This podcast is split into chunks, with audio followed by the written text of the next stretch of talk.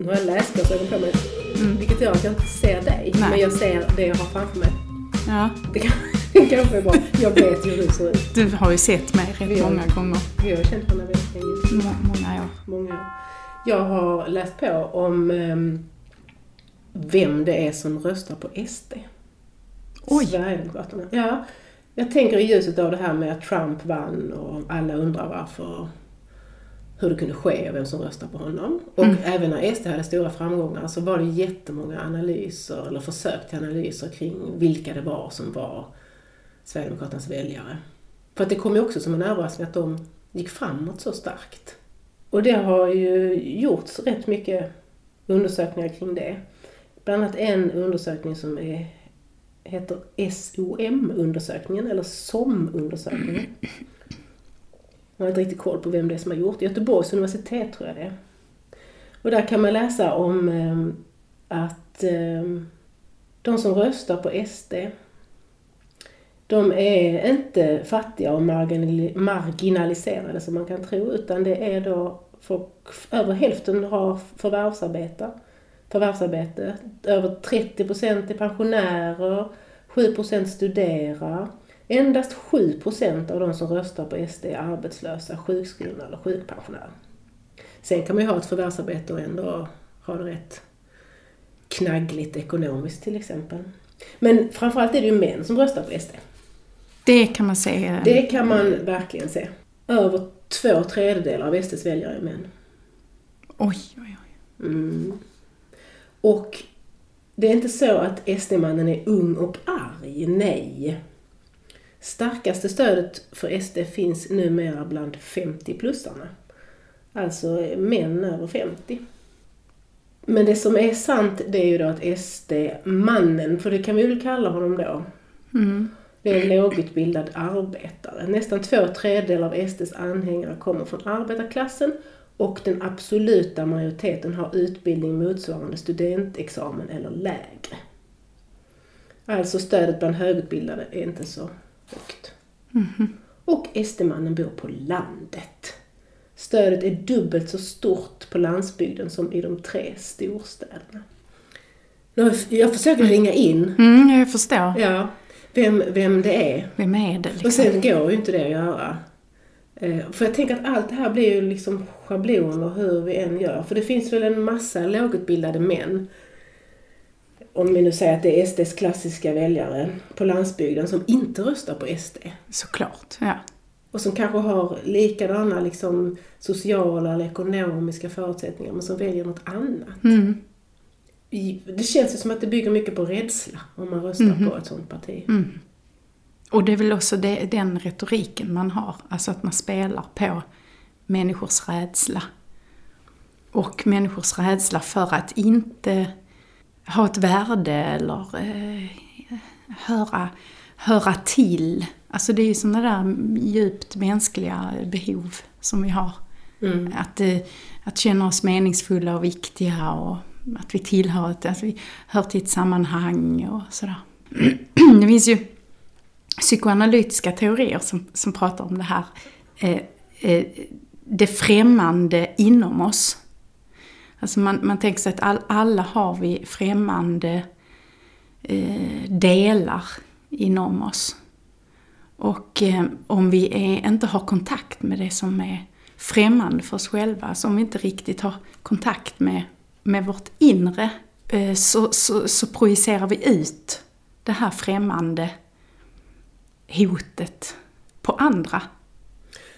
Men hur, hur menar du rent konkret där? Man har Ja. inte kontakt med det främmande i sig. Nej. Vad betyder det? Ja men till exempel om jag är eh, rädd att, eh, att inte ha ett värde. Mm. Jag är rädd för att rädd. inte tillhöra en grupp till exempel. Att bli ensam och övergiven eller vad det Precis. vara. Mm. Och jag har inte förmåga att liksom vara i kontakt med den känslan själv. Att den rädslan är så farlig. För att om den övermannar en så blir det för- mycket för en att bära på något vis. precis. Mm. Därför så gör jag den till något främmande inom mig själv. Jag har inte kontakt med det själv. Det här är krångligt det att tänka ja, men men det ligger liksom som en innesluten del av mig själv. Som en liten box. precis, precis. Och då, men det finns ju där. Och då, då istället så projicerar jag ut det på någon annan. Att den är främmande. Den är... Eh, se, jag menar, om, om man tänker Mm. Trump, han, han, han delar ju in... Jag läste en intressant artikel om det. Han delar ju in folk i, i liksom vinnare och förlorare. Mm. Och, han, och framställer ju sig själv som en vinnare. Liksom.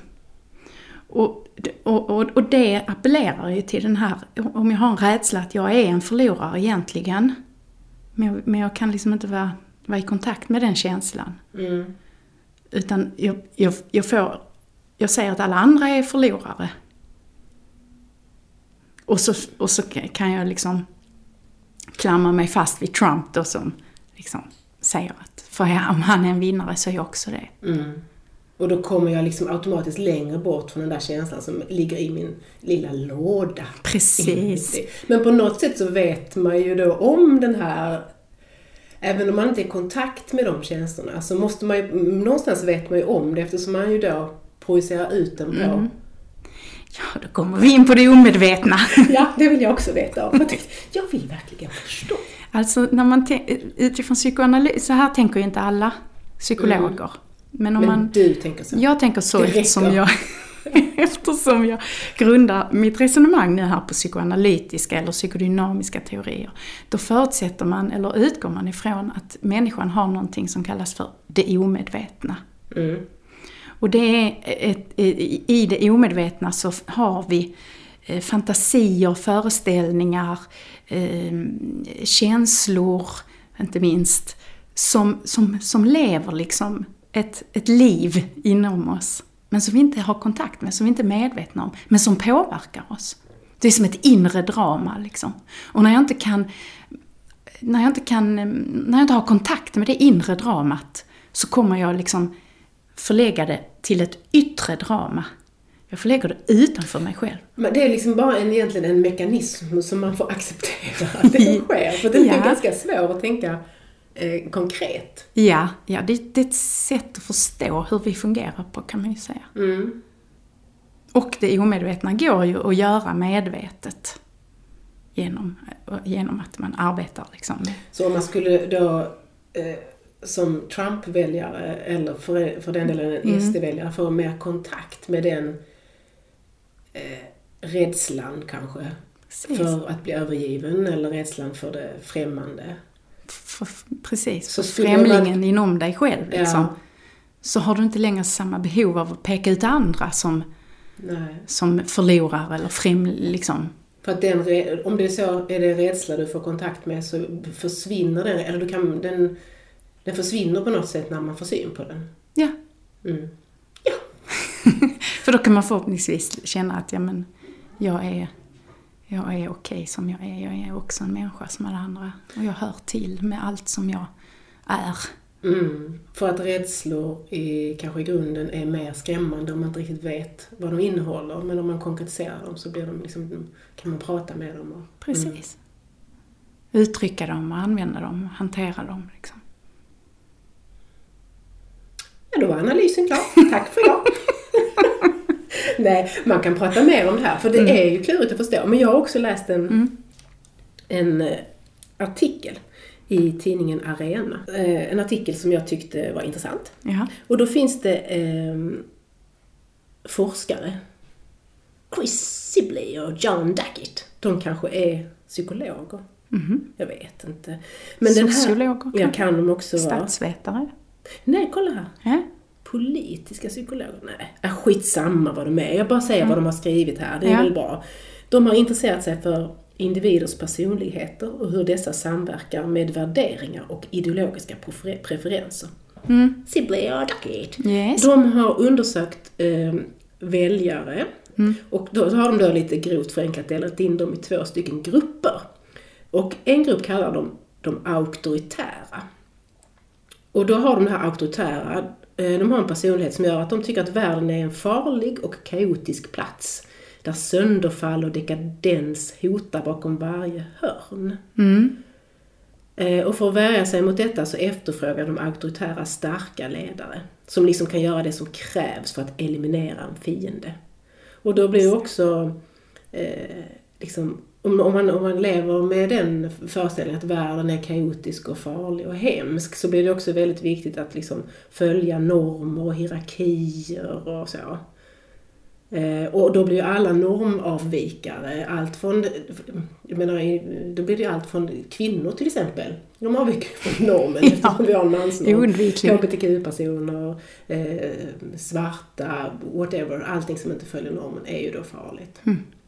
Därför att, om man vill lägga in en psykoanalytisk ja, teori. Det vill man. Ja, därför att de påminner ju dig om din egen, mm. eh, ditt eget eh, främmande inre. Mm, som du inte har kontakt med. Ja, som du inte vill veta av, som du har liksom trängt bort. Men varför har vissa människor ett främmande inre och inte andra? Det är en så bra fråga. Det finns såklart ingen enkel lösning. Men, men hur resonerar du? Men man, man tänk, jag tänker ju mig att det handlar om eh, upplevelser i, i, i i livet? ja, tidigare i livet. Mm. Ofta ju när man var liten. Mm. Där man kanske har fått höra att uh, du är värdelös, du duger inte och tror inte att du är något. Uh, uh, eller man har fått en bestraffningar av olika slag eller så. Och man har, ja. Och det har man för att klara av att bära det, liksom kapslat in det ja. i sig själv och inte Därför när du är liten är du ju beroende, du är ju beroendeställning till din, mm. den som tar hand om dig. Mm. Du kan inte, du kan inte liksom, uh, du, du, du, vet inget annat ju heller som Nej. liten. Så du måste hitta, du anpassar dig och hittar strategier. Okej, okay, jaha, jag, jag, jag får stryk om jag gråter, ja men vad gör jag då? Mm. Okay, jag måste, då, får jag, då får jag sluta gråta helt mm. enkelt. Men, men sorgen tar ju vägen någonstans. Mm. Och skammen. Och alla möjliga olika känslor. Kapslas in i boxen, som du säger. Mm. I den lilla boxen, i den lilla lådan. Ja. Nej men, ja. Och det gör ju naturligtvis oerhört ont. Det är ju en, en enorm smärta i det. Mm. Att uppleva det som barn. Mm. Att inte vara accepterad för det man känner eller... Det måste man skydda sig ifrån. Och då gör man det på sådana här sätt. Så det, det, det är inget eh, konstigt, patologiskt, sjukligt, utan det här är ju något som, som det, vi alla gör. Och det är också I en, olika grad. Ja, för, för, att det är sättet för det barnet att överleva. Det är liksom en adekvat strategi ja. när man är barn. Ja. Att, eh, att göra på det viset. Precis, för och du har inget val. Annars har du ingen som tar hand om dig. Nej. Mm. Och sen fortsätter vi på något sätt att göra så, för vi har, vi har lärt oss det tidigt och så tror vi på något sätt i vårt omedvetna att vi, att vi, är, eh, att vi måste fortsätta att göra på det här sättet fast vi är vuxna och inte beroende längre av en vårdnadshavare. Liksom. Mm, för att det är det vi är tränade till också. Mm. Det är det vi blivit bra på. Ja. Mm, det som de, den här, jag måste säga deras namn igen. Ja. Sibley och Ducky. Ja. Mm. Eh, också, de, de hittade då två olika typer. Ja, vilken var den andra? Ja, den andra typen mm. var då eh, något som de kallar för eh, de dominansorienterade. Och det var då personer som ogillar personer med låg social status. Eh, det är framförallt män med både, alltså både gamla och unga med låg empati starkt behov av att utöva makt med eller utan våld. Eh, dominansorienterade återfinns i alla samhällsklasser men är överrepresenterade bland individer med hög social status.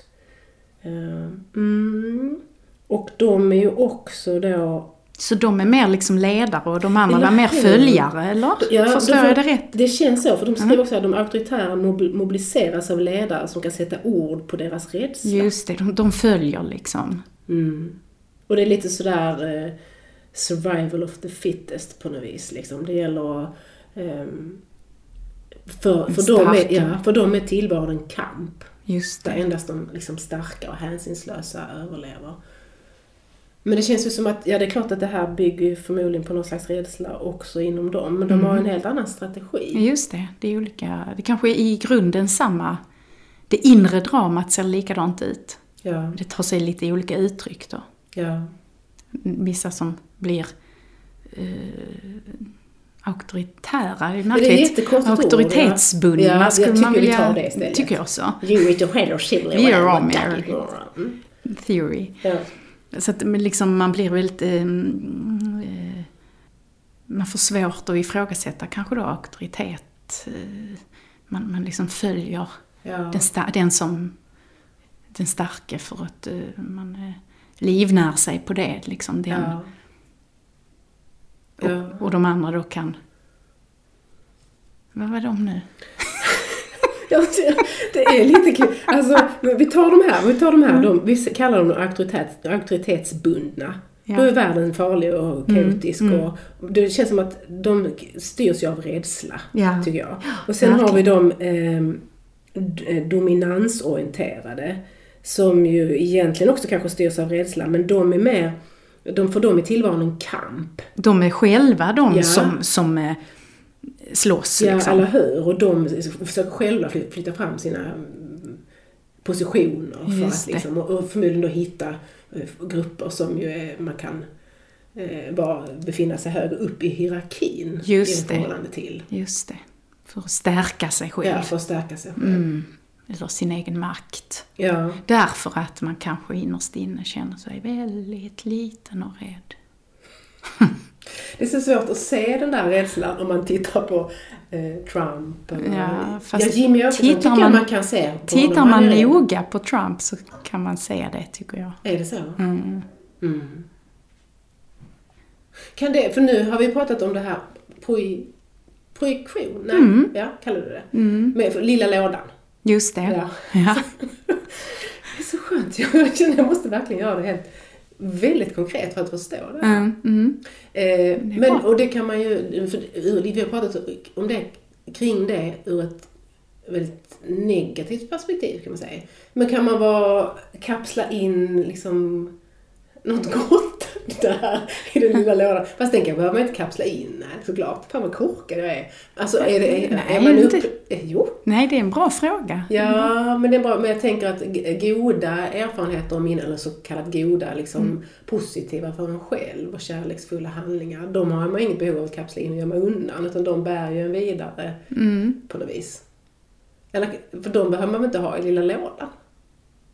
Nej, fast jag läste i en bok här nu, som var intressant, ehm, där det var en terapeut som beskrev att han ibland också jobbade, inte bara med svåra minnen hos sina eh, patienter, utan också att han hade börjat nu jobba också med goda minnen, fina minnen, som, ehm, som man kanske har kapslat in, därför att det gör ont att minnas det Att- som var gott. Va? För att det är en diskrepans mot hur man lever idag till exempel, eller Ja. hur man mår, eller hur man... Ja, eller det, det gör ont därför att det påminner om det man inte har fått. Ja, Alltså, ehm, ja, ja men jag förstår Mm. vad du menar. Mm. Ja, men titta, då Mm. kunde det vara något gott i den lilla lådan, fast det är ju ändå då sorgligt. precis. Det är en smärta i det men det är, det är, samtidigt kan det ju Mm. finnas. Och det, det, det är ju det som är så fantastiskt, att när vi, när vi kan liksom eh, öppna eh, eh, dörren till det omedvetna så, så, så blir vi liksom eh, så eh, mänskliga. Mm. Och, och liksom ren, alltså de känslorna är helt rena. Mm. Om de bara får finnas liksom. Det var nästan lite religiöst. Ja, Jag tänkte när jag tittade på det, jag tänkte gud, jag sitter mitt emot ett orakel.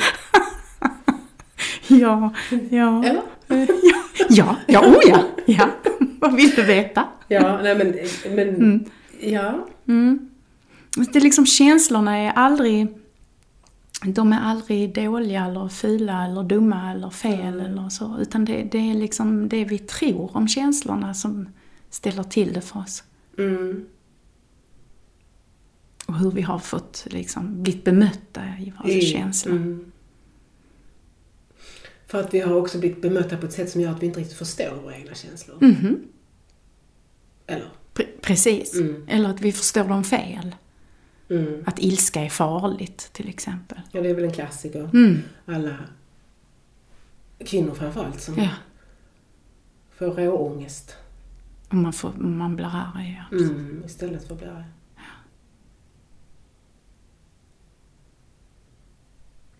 Så att eh, alla sådana här populistiska, de, de talar ju verkligen till, till det här, mm, eh, till det som, vad ska man säga, det som vi har, det som gör oss rädda, det som, Mm.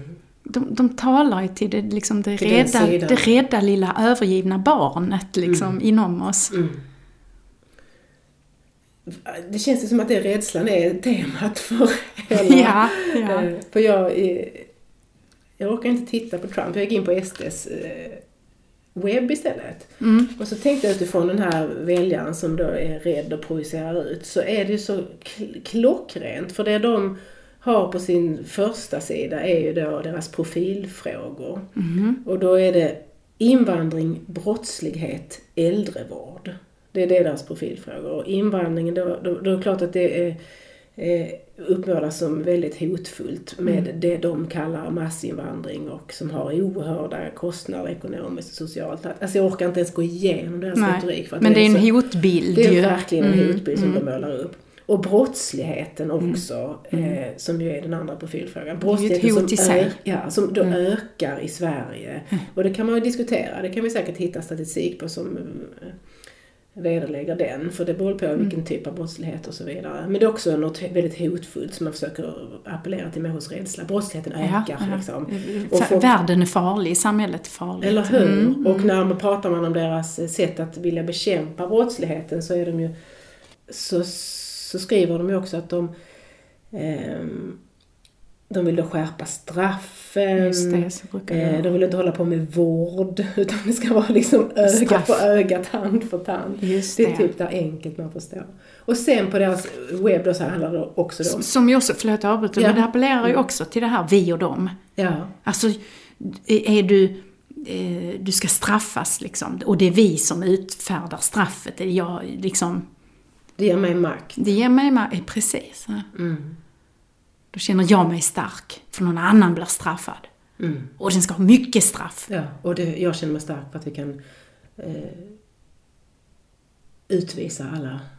Ja, ut med dem liksom, så är jag inne. Mm. Alltså det, det är Mm. väldigt simpelt. Mm, mekanism. Ja. Och sen har man åldringarna då också här bredvid då, äldrevården, pensionärerna. Som Ja. Och det är nog ett helvete att vara pensionär idag för att det är, eh, för många kvinnor framförallt som tjänar, har urusla pensioner. Men här, liksom, det är ändå intressant att ja, man, man, man målar, fast det är klart man målar kanske också upp en rädsla för ålderdomen hos människor. Ja. Att det kommer gå åt helvete när de blir äldre ja. på något vis, Och- om vi inte gör någonting nu. Ja. Mm. Och det är, ju, det, är ju, det är ju livets största hot liksom. Ja. Att, att vi ska dö. ja. att det vi är därför blir de har det där. Ja, det är ju, det, det är ju supersmart. Ja. Fast oerhört primitivt. Om jag får säga vad jag tycker. Det är just det du får. Det är därför vi sitter För det är väl det alla är rädda för. Det, det är också, tänker jag på, att det är någonting som får oss att direkt känna. Ja. Men inte tänka så mycket. De har väl också något sånt de säger, vi säger det alla tänker. Ja, vi säger det du tänker men ingen vågar, Vågar. säga eller Mm, någonting sånt. mm. Det, det, det, är också, det är också någonting som talar för att man, ska, man inte ska eh, tänka, man ska inte analysera, man ska inte tänka flera gånger. Nej. Utan det första man tänker, det ska man säga. Man men ska- ingen vågar, men vi gör det. Ja. Alltså- och det, när, man, när man ser de här sakerna på deras webb så ska man känna en rädsla och en otrygghet och sen, sen kommer formuleringen. Sen har Ja. då Sverigedemokraterna formuleringen. Så har de räddningen. räddningen. Just det. Att Mm. bort med dem och in med oss. Och den mekanismen trygg, blir lättare med de människorna som inte har kontakt med vad de känner. Ja. Cirkeln är sluten. Du, jag har dessutom eh, lyssnat, alltså det går knappt kan jag säga, men jag har lyssnat på eh, några av SDs, eh, de har ju vallåtar. Mm. Alltså musik. Mm.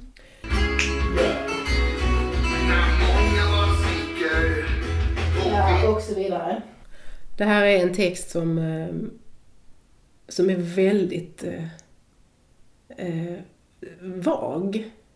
Fast kanske också väldigt, väldigt tydlig. Istället för att lyssna på hela den skiten så ska jag läsa lite citat här. När många bara sviker och vissa andra ljuger och nästan alla säljer vad som helst för att få makt. Då vänder jag dem ryggen och tittar ner mot marken. Där står en liten blomma så enkel i sin prakt. Alltså jag vet inte. Ja, men där har vi ju hela bilden. Världen är farlig. Mm. Och jag vänder den ryggen. Och går till den här oskyldiga lilla blomman. Så enkel i sin prakt. Mm. Alltså sen fortsätter texten eh, i, i samma eh, anda. Mm, mm, mm. Kanske. Jag vet inte om jag ska läsa mer text nu eller om det, om det ska vara så här att vi bara ringer vår översättare och, och vår allvetare Bosse Ja, men underbart. och hör vad han har att säga om detta till Det tycker jag. exempel. Hej! Hej Bosse, gud vilken kraftfull stämma du hade idag. Tyckte ni det? Ja, jag, fick, jag samlade allt jag hade. Vi spelade upp lite från eh, en av eh, Sverigedemokraternas vallåtar som heter Blåsippans väg. Den är, har några år på nacken, men, men eh, den är så lite klämkäck. Jag börjar nästan digga med nu för nu har jag hört den några gånger. Och det är förfärligt. Jag känner känslor som jag inte vill känna. Du blir rädd? Ja, nej jag blir inte rädd. Jag, bara, jag gillar det liksom. Jag gillar det lite. Usch, gör jag ju inte. Jag gillar inte texten. För den är helt bisarr. Har du hört låten? Jag har inte hört, men jag har ju läst texten. Har jag gjort nu. Mm. Vad, kan, vad kan du översätta den till? Du som är Nej, men-. Ja, alltså jag, de har ju, jag tycker ändå att den är ju lagd på en, på en väldigt bra nivå. Eller hur? För det är ju, alltså den, den uppmanar ju till någonting som jag tror att alla kan skriva under på. Att det är klart att man vill känna att man går sin egen väg, att man kan tänka själv. Att man, man, är en, man är en resonerande människa, eller hur? För det handlar ju mycket om det, att du ska vika, du ska liksom inte följa med strömmen här, utan du ska vika in på din egen stig, eller hur? Ja. Ja, Det, de, ska, ska, jag kan citera så här. Du väljer blåsippans väg som nästan ingen Mm. gått förut och du följer den till stigen tagit slut. Och den lilla blåsippan, så här, kan det finnas något mer oskyldigt än en liten blåsippa? eller hur, eller Mm. hur? Men det är klart blåsippan är gul och blå. Det är väl det. Ja. Mm. ja. Men Det, är, du, det är en fin blomma. det är en fin blomma kanske ja. Ja, det är det. Mm. Men den är inte så vanlig. Jag tänker att vitsippor är vanligare. Alltså den har ju blivit vanligare nu, för den är ju fridlyst på många håll, eller hur? Ja. Och, eh. Den är ju, jag vet inte om det kan vara någonting också i partiprogrammet. Vitsippan sprider sig väl mycket effektivare än vad blåsippan gör. Den har ju underjordiska utlöpare, ni vet. Så att den, den skickar ut jordrötter under jorden och så poppar upp vitsippor när man minst anar det. Och så blir det som stora mattor. Det är hotet kanske. Vitsippan är hotet. Ja, det vita hotet. Men blåsippan, den sprider sig bara med frön. Så plockar man en blåsippa så blir det ju inga nya blåsippor. Plockar man en vitsippa då skickar den ut lite rötter istället och så kommer det ändå nya. Så den klarar ju det på ett annat sätt än vad blåsippan gör. Mm. Så Så den kan är man liksom... tänka att om man plockar den så kommer inte några nya. Ja. Så det kan vi gå ut med. Vi kan uppmana till, ja, plocka blåsipporna så slipper vi dem. Mm. Så. Men du, Blåsippan ut i backarna står. Precis, det var den, den gamla... Viglar och Ja. säger att nu är det vår. Ja, nu är du vår. Ja. Eller något. Det är ju helt perfekt. Gud, vilken lysande slutsats vi fick av dig idag. Oj, det var snällt av er att kalla det för slutsats. Jo, en. Slutsats. En, en väg framåt. en fulländad analys, skulle jag vilja En säga. fulländad analys, analys och en väg framåt. Tack för att vi fick prata med dig. Tack för att ni ville göra det. Tack Bosse. Puss på er. Puss och vi hörs. Puss. Det gör vi. Okej. Hej då. Hej då! Gud vad skönt det var att höra att blåsipporna skulle kunna dö ut. Men jag tror att podden faktiskt är slut. Ja, Vi kommer att prata med en annan gång. absolut. Nästa vecka. Ja.